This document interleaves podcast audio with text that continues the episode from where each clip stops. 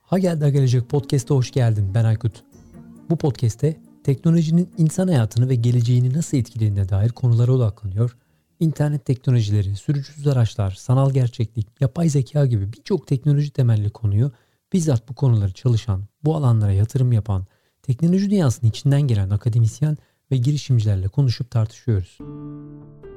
Size de öyle geliyor mu bilmiyorum ama gittikçe takip etmekte daha çok zorlandığımız, baş döndüren bir hızla değişen bir dijital dünya ile karşı karşıyayız. Üstelik pandeminin de çarpan etkisiyle dijital araçların zorunluluk haline geldiği bir dönemi yaşıyoruz hep birlikte. Tabi bu yoğun dijital kanal, ürün ve hizmet kullanımı beraberinde ağır bir dijital risk ile birlikte geliyor. Kişisel veri güvenlik açıkları, şifrelerin güvenliği, birçok platformda karşımıza çıkan phishing ataklarına karşı güvenlik sorunu. İşte bu sezonu tam da bu ikilemden yola çıkarak hazırladık. Önümüzdeki 6 bölüm boyunca dijital dönüşüm, dijital riskler ve güvenlik, artan e-ticaret ve ticaret alışkanlıkları, alışveriş güvenliği gibi hepimizin hayatında önemli yer tutan başlıklara yer vereceğiz.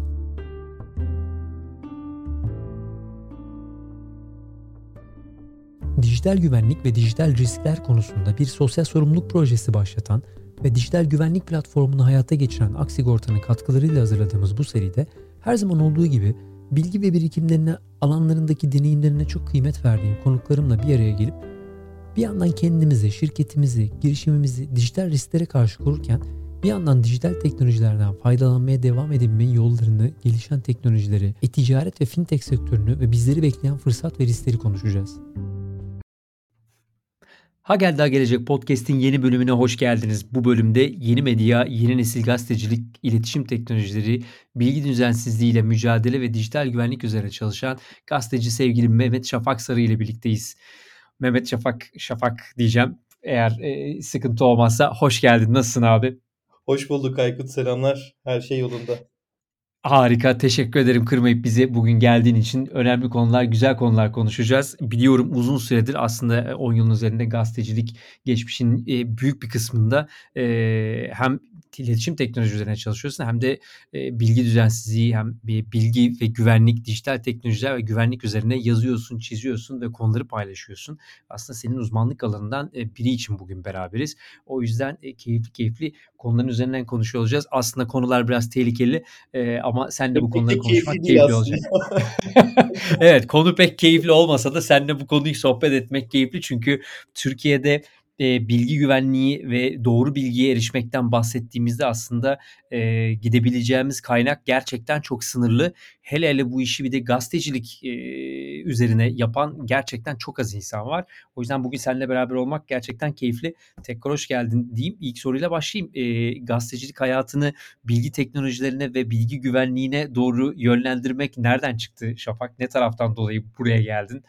tamamen kişisel deneyimim ve toplumda gördüklerimle. Yani e, aslında ben e, yani yoksul bir aileden geliyorum ve bundan bundan kaynaklı e, teknolojiye ulaşmak, iletişim süreçlerinde aktif olarak bulunmak çok zordu. Hani internet kafelerde ilk başta e, forumlarda takılarak MSN mes, e, o zaman MSN Messenger'dı şimdi de öyle bir ICQ'lar falan. O dönemden e, geldiğim için aslında kişisel bilgisayarımı edinmek, Sonrasında e, bu iletişim teknolojilerini kullanmak e, gerçekten e, birebir el yordamı el yordamıyla oldu. Bana kimse bir şey öğretmedi. Ben her internet kullanıcısı gibi, yeni nesil e, internet kullanıcısı gibi bir şeyler öğrenmeye çalıştım. Fakat bunu e, bu süreci atlatırken bazı şeylerle karşılaştım. İnsanlarda inanılmaz bir dijital okuryazarlık, medya okuryazarlığı eksikliği vardı. E, çünkü ben de bundan muzdariptim. Yani bir doğru bilgiye ulaşmak da Eee, bir elimdeki bilgileri kullanmak da, eee, ya da doğru doğru bilgiye ulaşıp bunu sağlıklı bir şekilde eleştirel okumak da gerçekten, eee, zordu. Eee, çünkü bizim ülkemizde genel olarak medya okuryazarlığı ve, eee, bilgiye ulaşma konularında ciddi sıkıntılar vardı. Zamanla ilgim buraya yöneldi. Yeni iletişim teknolojilerine ve yeni iletişim iletişim teknolojilerinin, eee, çok özel şirketler merkezde olması biraz canımı sıkmaya başladı. Eee, çünkü bu iş toplumsal bir süreçti. O sırada işte Ankara Üniversitesi İletişim Fakültesi'ne girdim geç de olsa. Burada eleştirel teori öğrendim. Eee, sonrasında da yeni yeni medya ile tanıştım.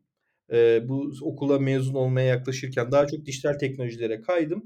En nihayetinde, eee, 2 alanda elimden geldiğince hareket etmeye çalıştım yeni medya başlığında. Biri bilgi düzensizliği, biri de, eee, bilgi güvenliği.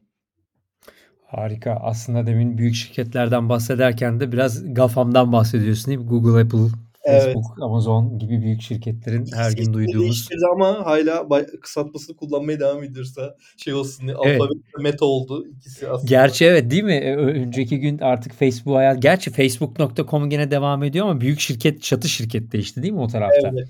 Eee, Google Alphabet olarak tanımladı çatı şirketini. Eee, Facebook da bütün ürünlerini, eee, Meta şirketi altında, yani faaliyetleri Meta şirketi altında devam edecek. Çok da ilginç değil mi? Yani Meta'nın, yani Metaverinin ve Meta'nın, eee, şeyi olan, eee, komplimanı olan ve genel olarak tüm bu, s Meta'yı vakumlayan bir şirketin adını bu kadar sade bir şekilde tanımlaması çok hoşuma gitti aslında Çok ironik aslında, değil mi? Evet. Ya, d durduğu konum, yaptığı işler açısından, hani, isim isim ve dönüştüğü, şekle baktığın zaman gerçekten ironik. Bu arada tabii, eee, bir yandan siber güvenlik tarafında konuşacağız ama tabii zamanlama da çok manidar. Bir yandan şimdi konuya gelirken Facebook'un özellikle son dönemlerde yaptığı, bile bilerek ya da bilmeyerek, bilinçli ya da bilinç dışı, işte, şirket içerisinde yaşanan bütün sıkıntılar ve kullanıcıların aslında bilgi güvenliğini sağlamıyor olması, aksine bunu, eee, bir şekilde belki de kötüye kullanıyor olması, eee, son dönemde çok sık duyduğumuz konulardan biri. Bu konudaki görüşlerini de biraz almak isterim açıkçası, eee, Ya, Şafak. hep bizde şeydir, zamanlama manidar kalıbı çok, eee,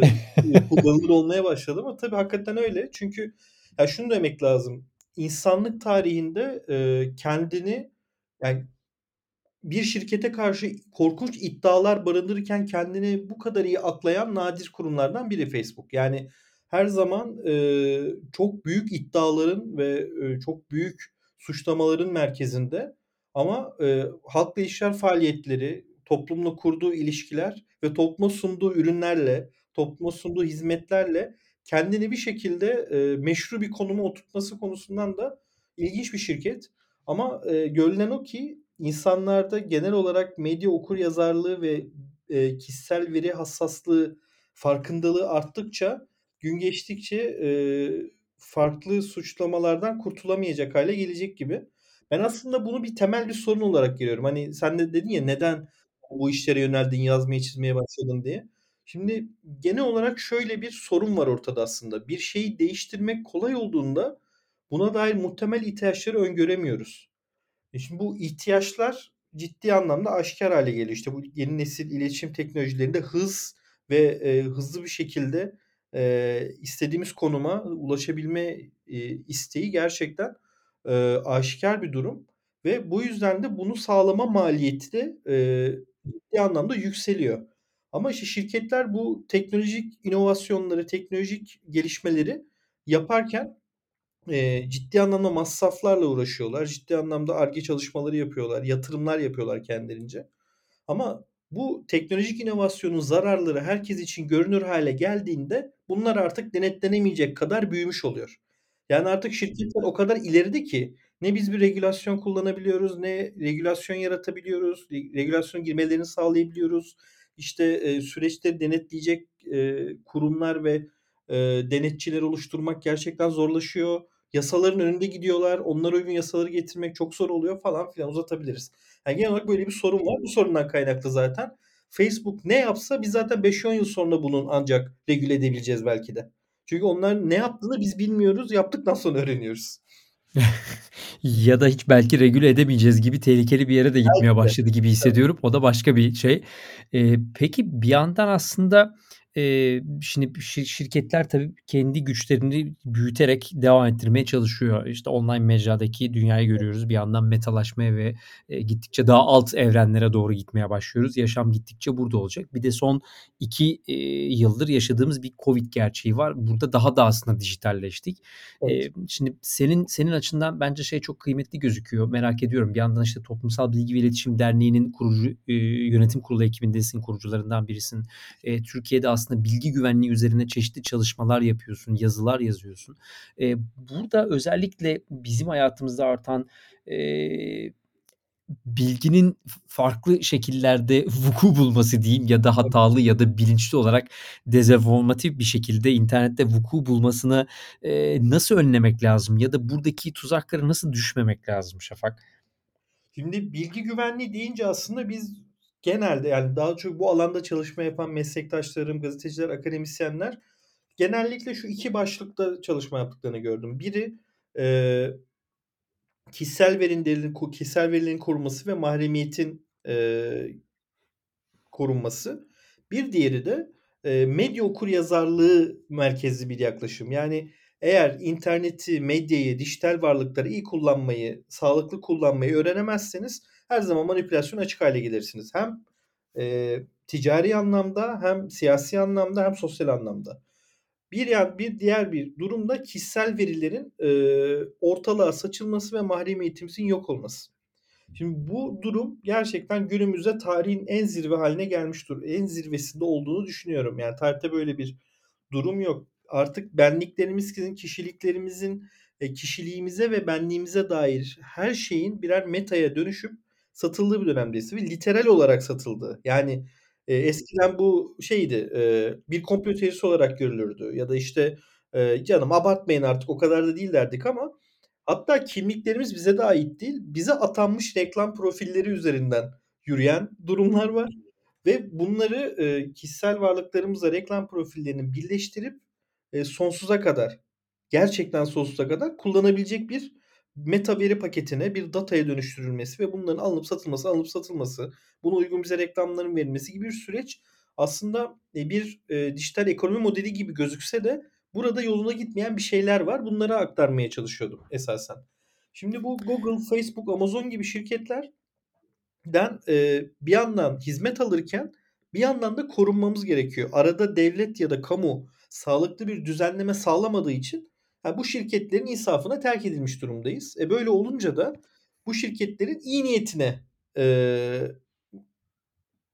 iyi niyetine, eee, şey yapıyoruz, güvenmek zorunda kalıyoruz ama maalesef böyle bir durum yok. İşte, her geçen gün, eee, kişisel veri ihlallerinden, eee, insanların yaşadıkları durumlar, insanların sürekli manipülasyona uğraması. Çünkü bu kişisel veriler bir süre sonra siyasi davranışlarımızı, gündelik davranışlarımızı, sosyal davranışlarımızı değiştirecek, dönüştürecek ve hatta ve hatta çok en somut anlamıyla seçim süreçlerinde eee, oy kullanma davranışlarımızı bile Doğru. etkileyecek bir noktaya gelebiliyor olması ve tüm bu süreci sağlıklı bir şekilde analiz edemiyor olmamız, eee, bunların kapalı kodlar altında insanların nasıl işlediğini bilmediği mekanizmalarla yapılıyor olması, yani, genel olarak dört köşesi mağrur, eee, ciddi anlamda çözülmesi gereken bir sorunla karşı karşıya kalıyoruz bu yüzden. Gerçekten aslında Facebook'un dediği gibi çok meta bir dünya. Yani, hani, bir Evet. gördüğümüz bir dünya var. Bir de algının zorladığı ya da, işte, tüm bu verileri bir araya getirdiğimizde nelerin yapılabileceğini çok da aslında farkına varamadığımız ya da düşündüğümüzün ötesinde birtakım şeylerin olduğu bir Evet. döneme doğru gidiyoruz ki, işte, Facebook kendi o tanıtımında da, hani, her şeyin artık meta dünyada olduğu ve sahip olduğumuz her şeyi oraya akıttığımız ve, eee, varlığım Facebook'un ya da, işte, Meta'nın ya da Zuckerberg'in varlığına armağan olsun dediğimiz bir dünyadan bahsediyoruz. Eee, bir yandan da, işte, müthiş bir siber atak, eee, devri Evet. yaşıyoruz. Her şeyin bu kadar dijitalleştiği bir yerde, işte, barajlara saldırılar oluyor, elektrik hatlarına saldırılar oluyor, Amerika'da petrol hatlarına oluyor. İnanılmaz değil mi? Ya, bu bu eee, yani, gerçekten, hani, şey, eee, bu işin de kendi içinde, eee, işte, grey hat'lileri, dark hat'lileri, iş ya da dark belt'lileri ve, işte, yok Evet. ben, hani, hastaneye saldırmam ama nükleere saldırırım, nükleere girmem ama şuna girerim gibi bir dünya olmaya başladı. Eee, bu burada nasıl ne düşünüyorsun Şafak? Bu tarafı nasıl görüyorsun bir gazeteci olarak dünyaya ve Türkiye'ye baktığında?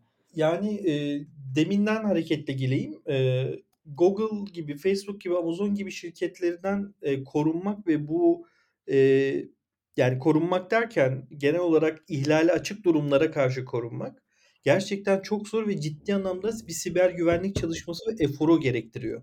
Şimdi bunu bireysel anlamda yapamıyoruz zaten. E, bu noktada da Hıı. madem bu kurumların, eee, oluruna bıraktığı, kendi çıkarları doğrultusunda hareket ettiği süreçlere müdahale edemiyorsak, ve ihtiyacımız da varsa bu yazılımları kullanmaya, mesela biz de seninle şu anda konuşurken bir yazılım altında konuşuyoruz. Eee, bu bundan önce bir Facebook ürünüyle yazıştık. İşte, eee, büyük olasılıkla birbirimizi bulmak için konum bilgilerimizi birbirimize paslayacaktık falan filan. Şimdi kullanıyoruz. Madem kullanıyoruz ve kullanmak zorunda kalıyoruz, yani burada karşılıklı bir ödün verme durumu var, bir fedakârlık var. O zaman bu bilgileri, verdiğimiz bilgileri ve verdiğimiz tüm dataları en azından ne kadarını veriyoruz, nereye ne veriyoruz kontrol etmemiz lazım. Çünkü bunlardan biri patlarsa eğer ki patlaması çok müsait, görüyoruz ya da kullandığımız yazılım eğer bir siber saldırıya uğrarsa, bir atağa uğrarsa, eee, en azından neleri kaybedebileceğimize dair kafamızda bir, eee, plan olması lazım. Yani biz buna genelde, yani biz demeyelim, ben bu işi dışarıdan takip eden bir gazeteciyim ama siber güvenlik uzmanları, eee, genellikle buna tehdit modellemesi diyorlar. Yani kafanızda bir tehdit modellemesi oluşturmazsanız eğer, eee, başınıza geleceklerden gelecekleri, eee, tartamazsınız, organize edemezsiniz diyor. Yani nedir bu? Ben neyi, kimden koruyorum sorularını çok iyi çizmeniz lazım. Yani bir Google ürününüzü siber saldırıya uğradığında bir Google ürünü size hangi bilgilerinizi sakladığını, geriye dönük, ileriye dönük hangi bilgi bilgi dataları topladığını Evet. bir fikriniz yoksa ya da bunları, eee, eee, kesebilecek, aktif de deaktif edecek bir, eee, bilgi birikiminiz yoksa geçmiş olsun. Hepsini vermiş olursunuz zaten. Eee, çünkü Google aradığınız ve sildiğiniz her şeyi kaydediyor. Hepiniz Google hesaplarınıza yine My Activity, eee, bölümüne baktığınızda göreceksiniz. Bul bulunduğunuz bütün yerleri biliyor. Bütün reklam profilinize sahip. Eee, işte aklınıza gelebilecek her şeyi çünkü hepimiz Google ürünleri kullanıyoruz örneğin ki farklı yazılımlarda bu durum böyle. Şimdi veri ihlalleri de bir yandan korkunç bir boyuta gelmiş durumda. Geçenlerde, eee, bakmıştım. SonicWall diye bir, eee, güven şey şirket var. Böyle siber güvenlik tehdit raporları yapıyorlar her sene. Eee, sadece 6 ayda 5.6 milyar saldırı yaşanmış bu yılın içerisinde. Eee, 4.8 trilyon defa da ihlal girişimi olmuş. Yani bunlar şimdi Microsoft gibi, Facebook gibi, Zoom gibi hepimizin kullandığı aktif şirketler. İşte sadece, eee, sosyal ağ platformları değil, eee, Amerika Birleşik Devletleri'nin kamu kurumları, işte Birleşik Krallığın kamu kurumları, hatta dijital güvenlik şirketleri de ciddi anlamda siber güvenlik ataklarına maruz kalıyor. Yani böyle bir ortamda gerçekten, eee, şunu anlamamız gerekiyor. Ben bir dakika ne yüklüyorum sistemime, ne yüklüyorum telefonuma ve bunları ben acil bir durumda, kriz anında koruyabilecek miyim? Bakın, yani sadece, eee, buradan dinleyiciler de, eee, şey yapsınlar, bakmalarını isterim. Firefox Monitor diye bir site var. Bu Mozilla Firefox tarayıcısını geliştiren Mozilla Vakfı'nın bir projesi. Burada veri ihlallerini sürekli duyuruyorlar ve buradan mail adresinizi, telefon numaranızı kontrol ederek, bir veri ihlaline maruz kalıp kalmadığını görebiliyorsunuz. Eee, ve bu böylece mesela mail adresinizin parolasını değiştirebilme imkânınız oluyor. Bağlı o mail adresine bağladığınız uygulamadan çıkıp, eee, mail adresinizi koruma altına alma, telefon numaranızı koruma altına alma gibi, önlemleri alabilmenizi sağlıyor. Mesela ekim'de daha bu yani bu, şimdi kasıma girdik. Bu ay krip CoinMarketCap denilen kripto coin, eee, değerlerinin, varlıklarının hepsinin, eee, listelendiği bir sitede bir hackleme ve veri çalma, veri ihlali oldu. Burada e-postalar gitti mesela. Daha nisan'da LinkedIn'de e-postalar gitti. Bu e-postalarla beraber cinsiyetler, coğrafi konum, iş ünvanları, isimler yani LinkedIn'e girdiğiniz her şey gitti. Mart ayında bir stok görsel sitesi hacklendi 123RF diye. Burada da, eee, o kullanıcıların IP adresleri, parolalar bilmem neler gitti. İşte, eee, Mashable, Wattpad, Facebook, Yahoo, Canva, Last.fm, Audi, Domino's buradaki birçok insanların birkaç içerisinde veri ihlalleri gitti. Burada artık, eee, milyarlarca veriden ve milyarlarca kullanıcıdan bahsediyoruz. Bu noktada tam olarak da şunu yapmamız gerekiyor. Hangi yazılımı kullanıyorsak bu yazılımdan bir çıkış planımız, bu yazılımlara ne verdiysek, eee, neyi kaybedeceğimizi bilmemiz ve ona göre yeniden düzenlemeyi düzenleyebilecek, yeniden bir başlangıç yapabilecek düzeyde, eee, bilgi bilgiye sahip olmamız lazım. Yani önümüze gelen her şeyi indirip sonra unuttum demememiz gerekiyor. Tabii, gittikçe aslında son kullanıcının üzerine daha da yük binmesi gereken bir durumdan bahsediyorsun aslında. Tabii ne kadar bu konuda bilinçliyiz tartışılır ama adresi bir daha verelim. Monitor.firefox.com sitesine Evet. girdiğinizde, eee, Firefox'u sis sitesine girdiğinizde burada tüm, eee, hack'lemeleri, eee, Firefox'un takip ettiği hack'lemeleri görebiliyorsunuz. Bu gerçekten önemli. Hatta buna bir ufak ekleme yapalım. Belki aslında orada senin de ekleyeceklerin olur. Eee, şimdi birçok insan hep aynı şeyi konuşuyoruz tüm bu eklemelerden sonra. Son kullanıcının işte 1-2-3-4-5-6 diye kullandığı işte password'lerden, şifrelerden Evet, yani kullanıcı doğum günlerinin kullanılması gibi gibi aslında birçok böyle, eee, çok kolay kırılabilecek, eee, bir şifre ve parola kullanım yöntemleri de var. Mesela burada belki de, eee, insanları, eee, şeye geçirebilmek lazım ki aslında ücretsizleri var. İşte, Hı eee, One Password ücretli ama işte password manager'lara, password yönetici programlarına belki geçmek ve en azından password'leri korunur hâle getirmek lazım. Eee, buna benzer uygulamalar genelde password manager'lar içinde de, Evet. eee, benzer hackleme olaylarını takip etmeniz mümkün. En azından uyarı veriyor. Bu şifre, eee, açığa çıktı, lütfen şifreni değiştir diye. Eee, çünkü hâlâ galiba anladığım kadarıyla ya işte benim e-mail şifremden ne olacak ki, hani dünya mı değişecek gibi bir algı var ama işte milyarlarca insanın verisi aynı anda gittiğinde bambaşka bir dünyaya gidebiliyoruz aslında. Hakikaten dünya değişiyor. Dü olaya makro boyutta bakmayalım, kişisel anlamda da. Yani hepimizin hayatında sevmediğimiz insanlar, düşmanlarımız da olabilir. İş yerinde patronunuz, eski ortağınız, ticari rakibiniz, devlet, eee, hacker, Doğru. Doğru. eski sevgili yani Evet. bunlar insanın düşmanı olabilir bir süre sonra ve düşmanlarınız da size zarar vermek istediğinde artık günümüzde, eee, gidip de size tokat atıp tükürmüyor yani. Geliyor sizin dijital hesaplarınızı, varlıklarınızı alıyorlar, ele geçiriyorlar, manipüle ediyorlar. Bu yüzden, eee, söylemiştim. Neyi korumak istiyoruz ve kimden korumak istiyoruz? Ve sen de bahsettin. Eee, çok güzel oldu. Eee, parolalar yani genelde, eee, şifre olarak tanımlıyoruz biz ama Evet. parolalar çok değerli yani güçlü parolalar kur kurmamız lazım, oluşturmamız lazım. En az içerisinde 1 büyük harf, 1 küçük harf, eee, sembol ve rakam içermeli. En az 12-24 hatta 36 haneli olmalı ve bunları her platformda, her ağda, her sosyal medya hesabında, her mail'de farklı kurgulayıp girmeliyiz. Bu noktada da tabii hep gelen eleştiri ya bunları nasıl akılda tutacağım? Sen de değindin demin. Eee, kesinlikle şifreli yani kriptolu parola kasaları kullanmamız lazım. Eee, burada benim de önereceğim bir şey var. Eee, Bitwarden denen bir özgür yazılımdır aynı zamanda, kamu malıdır. Eee, Bitwar Bitwarden yani bir şirket geliştiriyor ama ürünlerin hepsi özel şey, özgür yazılım. Eee, kriptolu bir şekilde parolalarınızı koruyabiliyorsunuz. One Password'den bahsettin.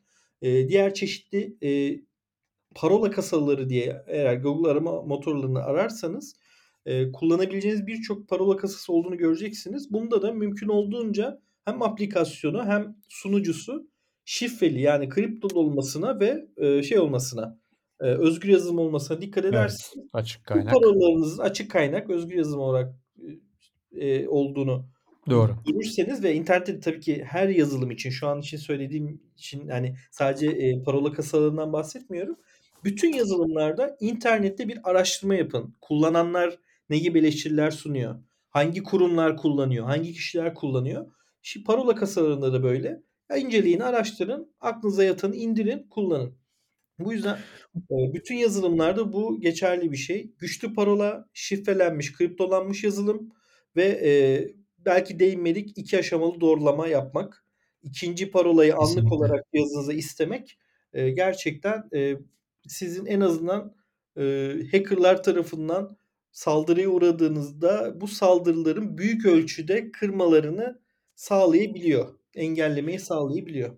En azından Tamamlamayı. hayatı zorlaştırmış oluyor ki bir de Aynen bunu öyle. şöyle düşünüyorum, hani kişisel kullanıcının dışında, eee, yayına girmeden evvel biraz konuşuyorduk. İşte, hani, bi biraz daha, eee, ticari, küçük orta ölçe ölçekli ticari işletmeler için düşündüğünde aslında, eee, bu tarz şirketlerin birçoğunun kendi ekipleri yok, büyük yatırımları yok. Evet. Dolayısıyla belki, eee, şirketin sahibinin tek başına yönettiği bir sosyal medya hesabı, yönettiği e-mail hesapları gibi birtakım Evet. hesaplar var ortada. Hani her ne kadar bunlar risksiz gibi gözüküyor olsa da dediğin gibi, işte, Çok riskli. rakibinin, eee, gelmek istediği yer olabilir. Eee, kendi kullanıcının bilgilerinin, e-mail'lerinin olduğu bir hesap olabilir.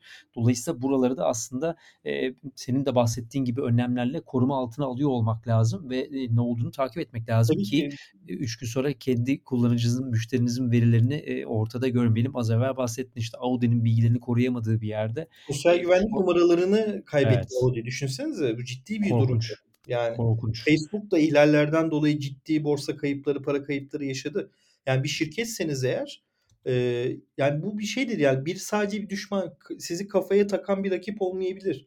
Yani kişi bilgilerini, müşteri bilgilerinizi, portföyünüzü ne yapıyorsanız yapın artık ortalığa saçılmış, birilerini hack'lemek için ortalığa saçılmış yazılımlar ve kodlar var ve bu, eee, bir başında birileri yok bu, hacker'lar yok artık. Otomasyonlar. işlemciler, otomasyonlar, botlarla saldırı gerçekleşiyor. Ne bu tutturabilirsem e, bahtıma diyerek yapılıyor bu saldırılar ve sürekli insanların e-mail'leri, IP adresleri, telefonları ya da diğer veriler bir arada toplanılıyor. Eğer güzel data paketleriyse zaten eşlenmiş oluyor bunlar ve Doğru. bir anda bütün yıllarca kazandığınız emeğiniz, birikiminizi birileri çalmış oluyor. O birileri belki Uganda'da çalıyor. Pek önemsiz olmayabiliyor ama Türkiye'de olunca gerçekten ciddi sorun oluyor. Hepimizin gün içerisinde 20 defa telefon almamızın sebebi farklı farklı şirketlerden bu yüzden. Telefon numaramızın ve maillerimizin sürekli alınıp satılan değer dataya dönüştüğü için. Evet, aslında çok güzel bir örnek oldu. Hani, eee, normalde bilgisayar dünyası, internet dünyasındaki veri verilerin, işte, hack'lenmesi, bir yandan telefona gelen spam'ler aslında çok da birbirinden uzak durumlar değil. Eskiden ev telefonu çalardı. Eee, hatta hâlâ, işte, iii, te devletten arıyorum, polisten arıyorum diye veri çalıyor. Evet. Bir yandan bütün bunun eşleştiği bir dünya var. Eee, işte, yakın zamanda yaşadığımız bir Twitch üzerinde birtakım şeyler var. İşte, kara Evet. para aklamalar olabiliyor. Dolayısıyla neyin içine girdiğinizi anlamadığınız bir dünya da olabiliyor gibi gözüküyor. Hani, bilinçli olarak yapılan bir şey değil ama tıkladığın bir yer bir anda seni bambaşka bir dünyanın içerisinde, eee, bu işin, eee, Evet. e eşlenik su suç, eee, şeyi gibi, e e eşlenicisi gibi bir hâle getirebiliyor. Bu da daha korkutucu aslında çünkü farkında olmadan yapıyorsun. Evet, çünkü bu konuya vakıf değiliz. Yani bir kere her kurumun, her kişinin mümkün olduğunca internette gerçekten güzel kaynaklar var. Ben de mümkün olduğunca eğitimlerimi zaten açık bir şekilde veriyorum. Eee, eğitim verdiğim kurumlar da düzenli olarak dijital güvenlik, bilgi güvenliği ve üstüne ayrıca medya okuryazarlığı, dijital medya okuryazarlığı eğitimleri veriyorlar.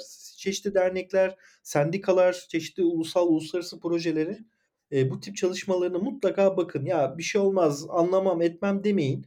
Çok basit düzeyde eğitimler var. Yani bir kere, eee, yetişkin bir birey okuldan alamadığını, üniversiteden alamadığı dijital medya okuryazarlığı ve dijital güvenlik, yani bilgi güvenliği eğitimlerini mutlaka almalı. Bu en azından ortalama düzeyde bir bilgi fark bilgi birikimi ve farkındalık kazanmalı.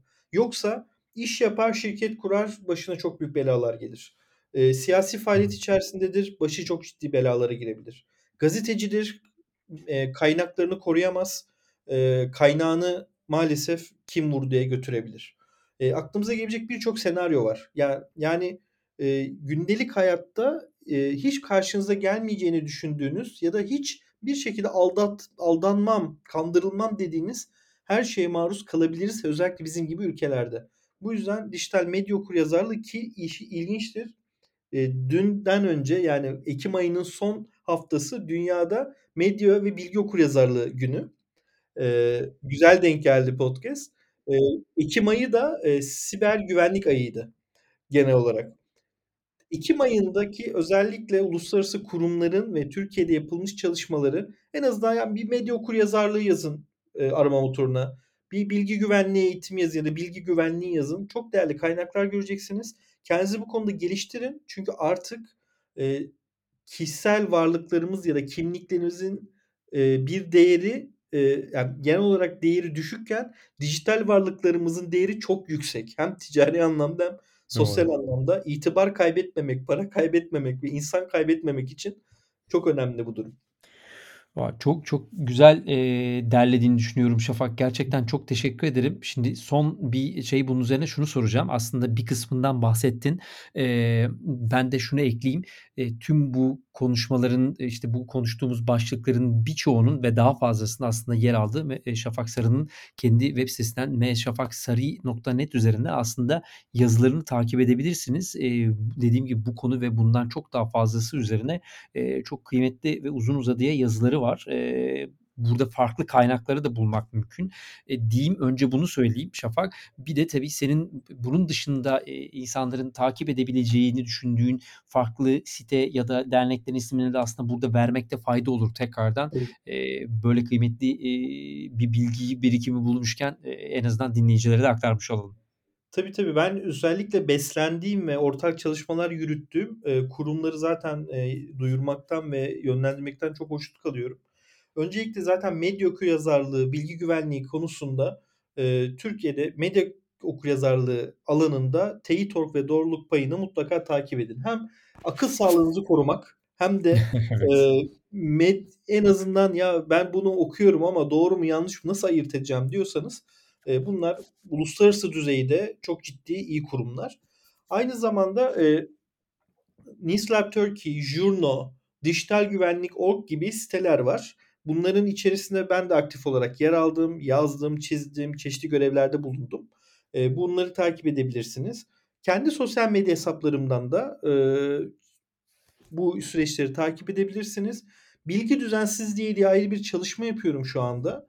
Eee, bu, eee, genel olarak yanlış bilgi, dezenformasyon konusunda bir Twitter adresim var.